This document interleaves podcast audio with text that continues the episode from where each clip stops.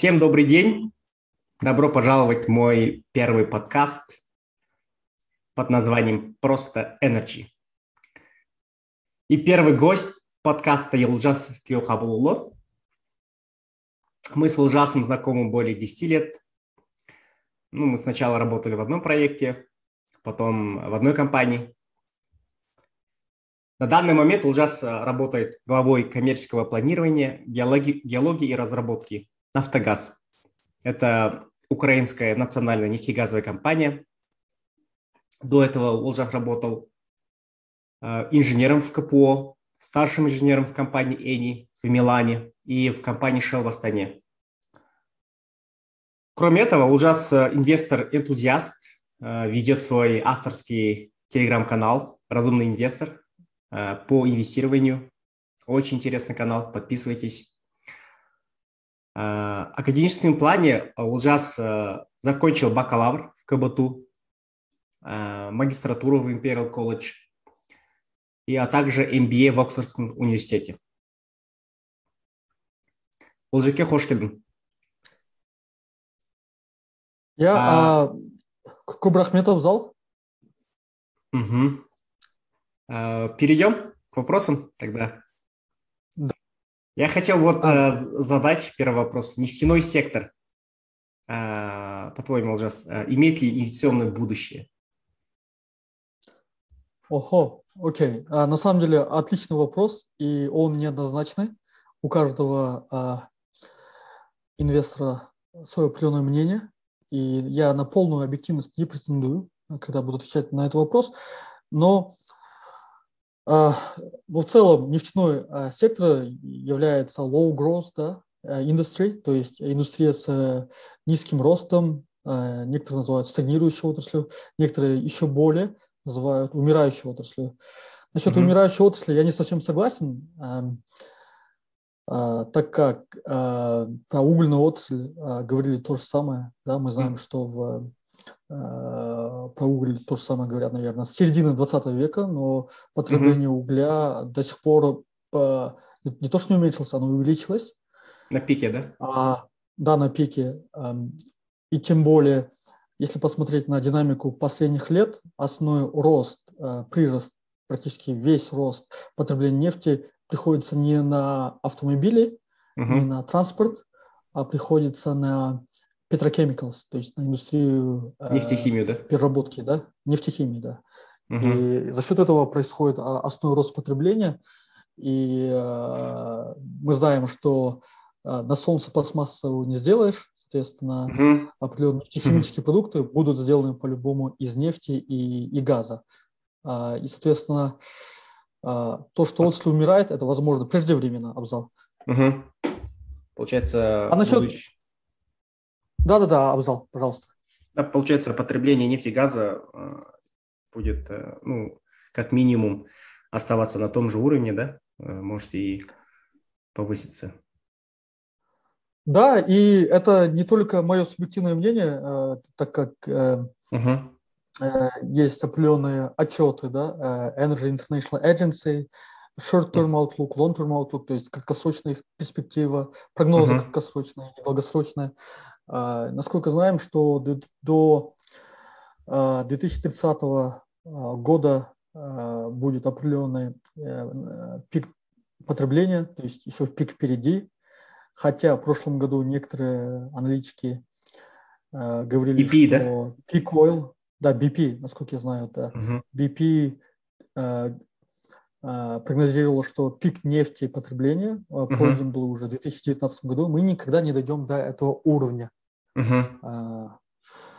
И насколько это правда, это неправда. А, согласно последним, согласно последним а, аналитическим отчетам uh-huh. от той же Energy International Agency, EIA, в 2022 году мы, возможно, произойдем пик потребления нефти, то есть уровень потребления нефти 2019 года. То есть uh-huh. пик еще не пройден, он предстоит. Uh-huh. Ну, получается, из-за пандемии немножко там а, снижение было, да, а получается, мы в 2022 году уже э, превысим показатели 2019 года. Да, да. да, да. А, и возвращаясь bottom line, да, к основному а, вопросу про инвестиционное будущее, Uh-huh. Я недавно э, перечитывал книгу э, известного стоимостного инвестора Питера Линча. Это американский, uh-huh. Американский знаменитый инвестор, легенда. Он был главой фонда Мушелу фонд, uh-huh. фонда Магеллан uh-huh. с 1977 по 1990 год. И он показал потрясающую, фантастическую ежегодную доходность 29%. Uh-huh. И, и при средней доходности рынка S&P 500 на тот момент, кажется, то ли 12, то ли 13 процентов. Mm. И он, он, кстати, неплохо инвестировал в отрасли традиционные. Нефтяной сектор является традиционной отраслью. Uh-huh. Его, его совет был вкладываться в компании uh-huh. с хорошим ростом, с хорошим баланс-шит, то есть э, с хорошим бухгалтерским балансом да, или отчетностью, с хорошими операционными метриками внутри традиционных секторов экономики. То, риском, то низким риском, да? Да, да. То, угу. то, есть вкладываться а, не просто в нефтяную а, компанию, а вкладываться в хорошую нефтяную компанию, и, э, и тогда а, вы можете ожидать определенный прирост капитала, да, а, Э, могу привести пример. Э, в Телеграме, э, Телеграм-канале на разумные инвесторы в прошлом году мы я приводил пример компании EOG Resources. Это достаточно небольшая апстрим нефтяная компания. Uh-huh. У них в США, у них неплохие activities, неплохие показатели в как традиционной нефти, традиционным, э, традиционный газ, ну и нетрадиционные uh-huh. газы и нефть, да, то есть шейл, uh-huh. И э, несмотря на 2020 год пандемию, резкий спад, э, цены и так далее, у, у UG была прекрасная операционная эффективность, uh-huh. у них э, хорошая маржа, как операционная, так и чистая, э, у них Э, хороший уровень долгов по отношению к акционерному капиталу. Угу. И, leverage, да? Да, хороший leverage, то есть низкий leverage, это считается хороший признак, э, и э, хороший кредитный рейтинг у, у компании, и, и также неплохие были показатели по росту, по приросту запасов, да, 1P, 2P, угу. и Э, с минимальным капиталом, то есть, э, то есть э, эффективность капитала, инвестиций на нефтегазовые проекты у них было выше среднего по индустрии и так далее. И к чему это привело? UG Resources показал неплохой рост по сравнению с 2000, ну, по сравнению с своими peers, да, угу. с другими э, конкурентами, да? нефтегазовыми а, компаниями-конкурентами в этой индустрии. И... Насколько повысилась вот акции стоимости EUG за год? Ну, вот. А, отлично. А, а, за год а, он вырос с 38 долларов до 71 угу. доллара. Угу. Да, и стопроцентный, да? Практически, ну, практически удвоение и так далее. Но, угу. но, но опять же, я не советую в, вкладываться в э, одну компанию, да. А угу. На самом деле э, каждый портфель должен быть э, диверсифицирован, да? Диверсифицированным, но в то же время не чрезмерно диверсифицированным, да. Если угу. мы э, вкладываемся в 100 компаний, во-первых, у человека э, не будет ни концентрации, ни фокуса, а качественно угу. каждую позицию в портфеле. А, и, и, конечно, не брать все с нефтяной отрасли. Да? Мы должны а, быть реалистами и рассматривать uh-huh. другие отрасли, где, а, допустим, а, вы, да, Абзал, как нефтяник, а, где я и другие нефтяники, где мы можем применить а, наши знания. Да?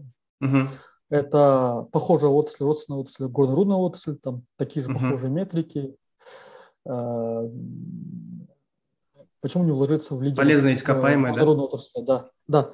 То есть а совет, эм, совет э, э, знаменитых инвесторов э, в том, что надо вкладываться в те отрасли и бизнесы, которые вы понимаете. Если uh-huh. есть понятие, как она работает и так далее, как, насколько эффективен их менеджмент, только в этом случае. Если просто вкладывать только потому, что акции-то растут, они выросли mm-hmm. 10 раз за, допустим, за год, это приводит к рискам, возможно, к разочарованиям и так далее. То есть надо быть немного угу. рациональным, прагматичным, да, реалистами и э, прилагать хоть, хотя бы определенный минимум аналитики. Э, угу. Иначе э, э, может случиться то, что случилось с большинством инвесторов в 99-2000-х годах. Угу. Э, я, я здесь имею в виду Дотком, да? Э, кризис доткомов, да, доткомов, э, когда любая компания, которая имела название com или web uh-huh. или и приставку, uh-huh. и электроник, да, а, такие определенные приставки, суффиксы, которые имели связаны с интернетом, те компании просто взлетали. Просто uh-huh. взлетали, а, несмотря ни на что. После э, схлопывания пузыря доткомов многие эти э, компании а, потеряли 90%, некоторые и все 100% а, а, своей рыночной капитализацией, то есть угу. стали банкротами. Это говорит об опасности. А, чрезмерная аллокация, да? Да, чрезмерная аллокация, Вы... исследование только ценам а, на акции. Смотреть на график котировок акций – это, наверное, один из самых бесполезных а, метрик для выбора акций. Угу. Спасибо, Ужас. А, давайте тогда перейдем на второй вопрос. А, вот последние как 3-4 года у меня много знакомых, э, молодых специалистов э, или студентов э, обращаются именно вот по вопросам будущей карьеры. Стоит ли переучиться на другие специальности, пока не поздно? Какие советы дадите молодым специалистам и студентам? Да, на самом деле такой актуальный вопрос. Это даже вопрос занимает мой ум, да. Угу. А, я уверен, что Абзал среди а, ваших коллег э, да. в Казахстане, да, да и у моих коллег здесь в Украине э, возникает э, такие тревожит. вопросы, да. Да, да, да, тревожит. Мы работаем, к сожалению, в циклической отрасли, угу. и, к сожалению, эти циклы стали чаще происходить, чем, чем было, чем чем было, допустим, в 20 веке, да. Uh-huh. А, а, насколько помним, да, в 2015 году тоже нефтянка находилась в ужасном состоянии, цены падали, Goldman Sachs прогнозировал а, цену на WTI, да, то есть uh-huh. на американскую нефть, 20 а, долларов на долгий срок, uh-huh. и в 2015-2016 году, потом цены восстановились, все нормально, потом это пандемия в 2020 году и так далее. До и этого же... предыдущий цикл в 2008-2009 году был, да, похожий цикл. А да. до 2008-2009 года, если смотреть, циклы были намного длиннее. Угу. А, тот же рост с 99 по 2008 год, а, рост цен на углеводороды длился сколько лет? 2008 угу. 99, 8 лет, да? 8 лет. 2008, да, 8 лет а, и так далее. А, определенно низкий уровень цен длился в 80-е годы, то есть mm-hmm. с 82 по 90 по конец 90-х годов, а, из-за которого мы знаем, да, Советский mm-hmm. Союз распался. Mm-hmm. И, а, было, ну, то есть циклы были длиннее, сейчас намного все динамичнее. Mm, и, быстрее. К сожалению, да, к сожалению, мы идем, эти циклы а, короткие, и, и а, если смотреть на inflation adjusted price, да, нефти, mm-hmm. то есть а, если сейчас нефть стоит 70 долларов бренд за баррель, это не та же цена, что, что было в 2000 году, да, uh-huh. или в 2005. Я не помню, когда была цена 70 долларов, это, кажется, был 2005-2006 год. Yeah. А, с учетом инфляции, это а, та, та цена 70 долларов, наверное, была равна текущим 120-110 долларам, почти два раза больше. Mm. И, а, с учетом а, инфляции. price inflation, да, инфляция. И, а, соответственно, а, цена на нефть далека в реальном выражении от тех цен, которые мы, мы видели в 2000-х годы. Угу. Есть позитивный outlook, да, то, что ну, позитивные прогнозы от некоторых э, крупных инвестбанков, что цена может э, э, вырасти до 100 долларов uh-huh. и так далее. Но, но возвращаясь об, обратно к сути вопроса, да, суть вопроса была, стоит ли менять переквалифицироваться с нефтянки. Другие по специальности, да. Угу. Если этот вопрос интересует молодых специалистов, которые учатся в университете да, на, угу. по специальности нефтегазового инжиниринга или нефтегазовой геологии и так далее, то, наверное, мой совет был бы максимально брать полезных навыков со смежных отраслей и не смежных, э, тот же машин, э, машинное обучение, uh-huh. тот же big data, да, uh-huh. тоже программирование, uh-huh. основы эко- экономического анализа и другие полезные функции, которые, которые вам помогут найти работу в нефтегазовой отрасли и, и, и в других э, отраслях. Вы, и в других отраслях, и тем самым э, также вы повысите эффективность, да, эффективность производства uh-huh. и так далее, если вы э, максимально хорошо вооружены современными навыками, которые повышают производительность труда uh-huh. для компании, для акционеров этой компании и так далее. И человек может всегда зная а, не только узкий сегмент а, а, знаний, а зная uh-huh. несколько сегментов, он может быть востребован и в родственных индустриях, та же горно-рудная отрасль, uh-huh. может быть, IT-отрасль и так далее. Могу вот привести пример. Есть недавно один из моих хороших знакомых приятелей перешел с компании Шлюмберже в McKinsey, он, он увлекался э, Data Science, он увлекался э, бизнесом, эффективностью бизнеса и так далее. А, и, соответственно, прошел McKinsey, и, мне кажется, он там также свои э, навыки, приобретенные в нефтегазовой компании, сервисной компании, как Schlumberger, он также leverage ит, то есть применяет их во благо и в других отраслях. То есть они абсолютно mm-hmm. transferable, да, а, Такие особенно навыки, да, получается? Да, да, особенно нефтянки один из, наверное, интересных отраслей, где на краю угла стоит безопасность, да, HSC. А с этой uh-huh. точки зрения э, специалисты с нефтяной отрасли, мне кажется, в других индустриях, связанные с производством, с или uh-huh. там, автомобилей, автоиндустрия или что угодно, да, мне кажется, это принесет большую ценность в другие отрасли. Uh-huh. А, но опять же, а, мне, я, наверное, не самый лучший человек, на, чтобы отвечать на этот вопрос, потому что я все еще работаю в нефтяной отрасли. А, тем не менее, я поменял функционал.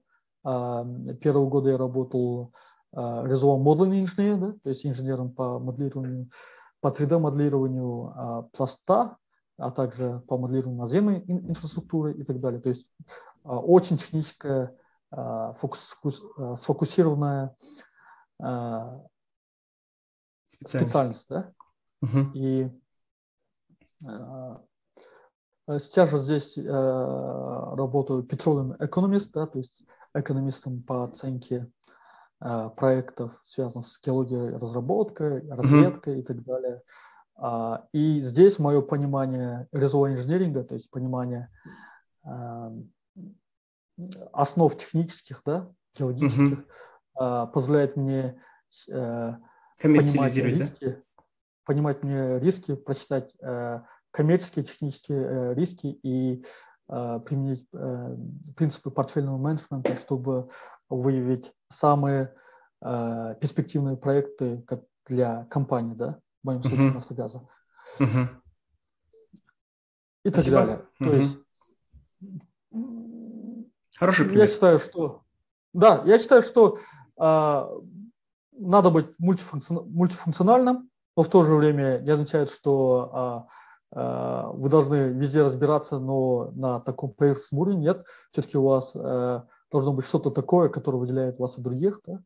Uh-huh. А, а, чтобы всесторонне а, раз, да, свое конкурентное преимущество да, а, определенно выявить. Отлично. Угу, спасибо. А, тогда вот третий вопрос. А, параллельно вот по специальности, да, для молодежи именно. э, по вопросам финансового планирования. Надо ли рано задумываться? Если да, зачем? Если да, а зачем? Ну, потому что молодых, ну, молодых, э, мало свободных денег, там, ну, они... Согласен. Да, стоит Согласен. вообще задумываться об этом. Да, хороший вопрос, спасибо.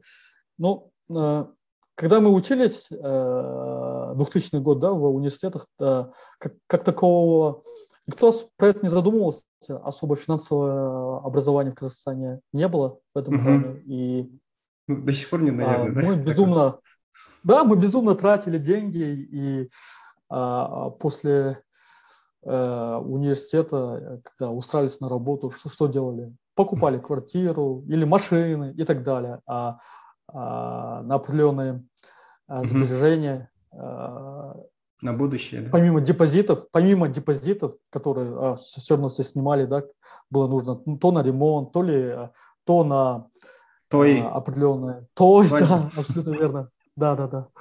И, и соответственно, э, к сожалению, от большинства моих ровесников, также включая меня, э, потеряли очень много времени, начального времени, э, угу. и э, связанное с грамотным, сбалансированным э, накоплением, сбережением, приумножением своего капитала. И и, э, соответственно, если я сделал бы time rollback uh-huh. на, на 2005 год, кто знает... Машина возможно, времени, да? Да, да, если у меня была бы машина времени, кто знает, э, я бы э, те деньги, которые выслали родители, да, помимо uh-huh. стипендий, может быть, часть не тратил бы, ну, допустим, кинотеатр или, uh-huh да, или на такие там э, вещи, связанные с престижем, mm-hmm. лучше бы понемногу а, покупал бы а, хорошие бизнесы и так далее, да. Mm. И, и, и сложный процент и время бы сработал бы на нас, да. Mm-hmm. И, соответственно, с, с, я думаю, что для молодежи, что для молодежи университетская Э, кто университет заканчивает и так далее. Угу. Возможно, на самом деле тяжело копить деньги, а это, это у каждого свои личные финансовые обстоятельства, но а, при нахождении первой работы а,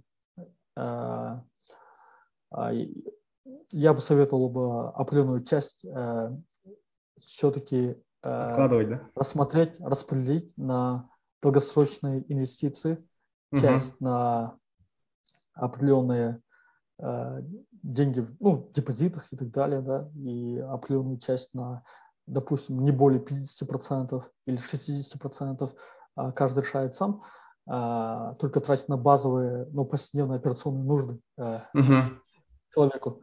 Остальное все а, потихоньку инвестировать, планомерно ставить личный финансовый план. Слава богу, в Казахстане сейчас есть несколько хороших курсов курсов, да, а, которые учат, как распланировать и так далее. Наш канал а, «Разумные инвесторы» uh-huh. Не занимается этим. Мы считаемся non-for-profit. Uh-huh. Мы это делаем абсолютно бесплатно. Мы некоторые... Я со своим соавтором телеграм-канала uh-huh. Жумабеком просто пишем, так как это, это наше хобби. Мы хотим максимально довести принципы ответственного долгосрочного инвестора обычным розничным инвесторам. Угу. Делиться полезными советами, да, лайфхаками жизни по поводу да, да, инвестирования. Да, да. Хороший um, проект. И еще другой популярный вопрос, который uh, спрашивают uh, студенты, да, угу. uh, а не дорого ли сейчас покупать? Сейчас же uh, рынки Перегрет. очень дорогие, да, перегрет и так далее. А, обычно такой тип вопросов говорит о том, что у людей нету а, менталитета ownership, да, то есть то, что uh-huh. а, ты не просто бумагу покупаешь, ты покупаешь часть этой компании, ты владелец и так далее. И а, если человек, допустим, открывает свой бизнес, он же, он же не открывает для того, чтобы его продать а, там за несколько месяцев, да, он хочет достичь результатов, расти uh-huh. с, с этим бизнесом, развиваться и так далее. То есть обычно этот вопрос спрашивают люди, которые эм, рассматривают э, фондовый рынок как нечто, как казино, да, небольшое казино, где гэмблинг, mm-hmm. где можно что-то э, дешево купить и дорого продать mm-hmm. и так далее. Краткосрочно и, только. Да, да. Это достаточно, я считаю, непродуктивный подход. Э, инвестиции рискованный. Быть долгосрочными, долгосрочными, э, частично рискованными, да, э, особенно молодежи, да, а, чем человек взрослее, соответственно, его аппетит к рискам падает, и mm. он становится более, ну, менее рискованным инвестором, более консервативным. А, и, э, и также совет, это не означает, что все свои накопленные деньги куда-то инвестировать и все. Нет, это означает, что а, планомерно из квартала в квартал, из года в год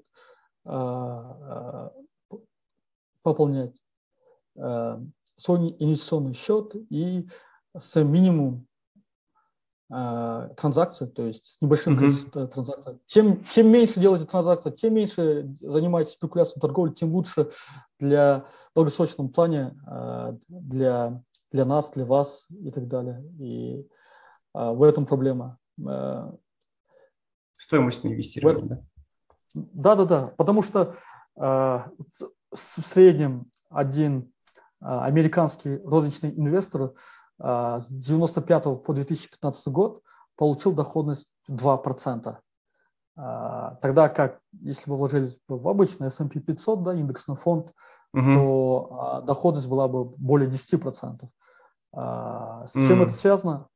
Это как раз связано с э, этим мышлением того, что фондовый рынок своего рода небольшое казино, люди покупают, продают, в итоге огромные транзакционные издержки, иногда на эмоциях mm-hmm. продаются дешевле, чем они покупали. И в итоге э, среднеамериканский розничный инвестор получил доходность ежегодную 2% за 20 лет.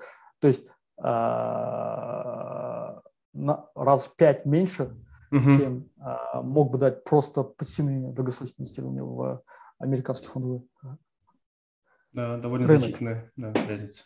Да-да-да да, а, абсолютно. А, но, а, опять же, инвестиции – это не только фондовый рынок, да, есть uh-huh. еще долговой рынок. У нас в Казахстане интересная платформа появляется, вот могу привести пример iCapitalist, uh-huh. когда Раев, да? Мало, да, Нурбек Раев, Раев. когда малый средний бизнес выпускают свои долговые бумаги uh-huh. и методом крауд а, фандинга, да, mm-hmm. они находят средства частных а, розничных инвесторов на финансирование нужд малого и среднего бизнеса и так далее. То есть есть определенные хорошие облигации от, от того же Freedom Finance. Э, это опять же не реклама, у меня, у меня здесь нету никакой аффилиации, не mm-hmm бизнесов, которые я только что упомянул. Угу. Также есть эм, определенные пифы, да, это когда закрытые, угу. это инвестиционные фонды. Паевые, да? Есть, э, да, паевые фонды, которые позволяют э, выдавать деньги профессионалам, чтобы они э, за вас управляли, и вы практически не тратите время, и там определенный скромный доход, но в валюте вы можете получать в течение многих лет и так далее. И опять же, если у вас нет крыши над головой, то надо подобрать да, аккуратный угу. баланс между, между э, то, что, покупкой э, недвижимости. Надо, между покупкой недвижимости и э, определенным своим инвестиционным э, планом. Угу. Каждый решает сам, угу. выбирает ли он аренду, долгос... А, место приобретения жилья и так далее. Это каждый решает сам. Здесь я больших советов не могу дать. Угу. Но rule of thumb, да, это как на русском будет rule of thumb. Это, uh-huh. ну, как обычное правило, иметь хотя бы 6 месяцев вашего ежегодного, а, ежемесячного дохода а, в ликвидной форме, в денежном эквиваленте, где-то на счету, да, банковский счет и так далее. То есть в таких ликвидных активах, которые вы можете а, быстро деньги а получить, чтобы обналичить. ваши неожиданные, да, обналичить, чтобы ваши неожиданные расходы а, это заполнить. Но Э, это такой буфер кэша позволяет вам не трогать долгосрочные инвестиции. Иначе, э, э, когда вы все а, в определенный там ETF, паевый фонд и так далее, все свои деньги туда вкладываете, то если вы будете оттуда вытаскивать деньги на определенные операционные нужды, то это не, не есть хорошо, нарушается uh-huh. дисциплина, нарушается ваш личный финансовый план и так далее. Прожигаете, да, просто. Да, да, а, абсолютно верно. Абсолютно верно. Спасибо, Ужас. А, а, спасибо за уделенное время и подкаст. Для меня было он полон, честно говоря, идей, очень полезных советов. Надеюсь, каждый получил свои полезные тоже ну, советы, лайфхаки, да, жизненные. Спасибо. В будущем, надеюсь, будет продолжение подкаста с ужасом. А, оставайтесь э, на связи э, и будьте в курсе. Спасибо, что послушали наш подкаст. Спасибо, Ужас. Благодарю, Абзал. Благодарю, Абзал, за интересные вопросы. А, желаю успехов с э, этой инициативой нового подкаста Energy Podcast. Это отличная идея. А, желаю успехов. Спасибо. Всем хорошего дня.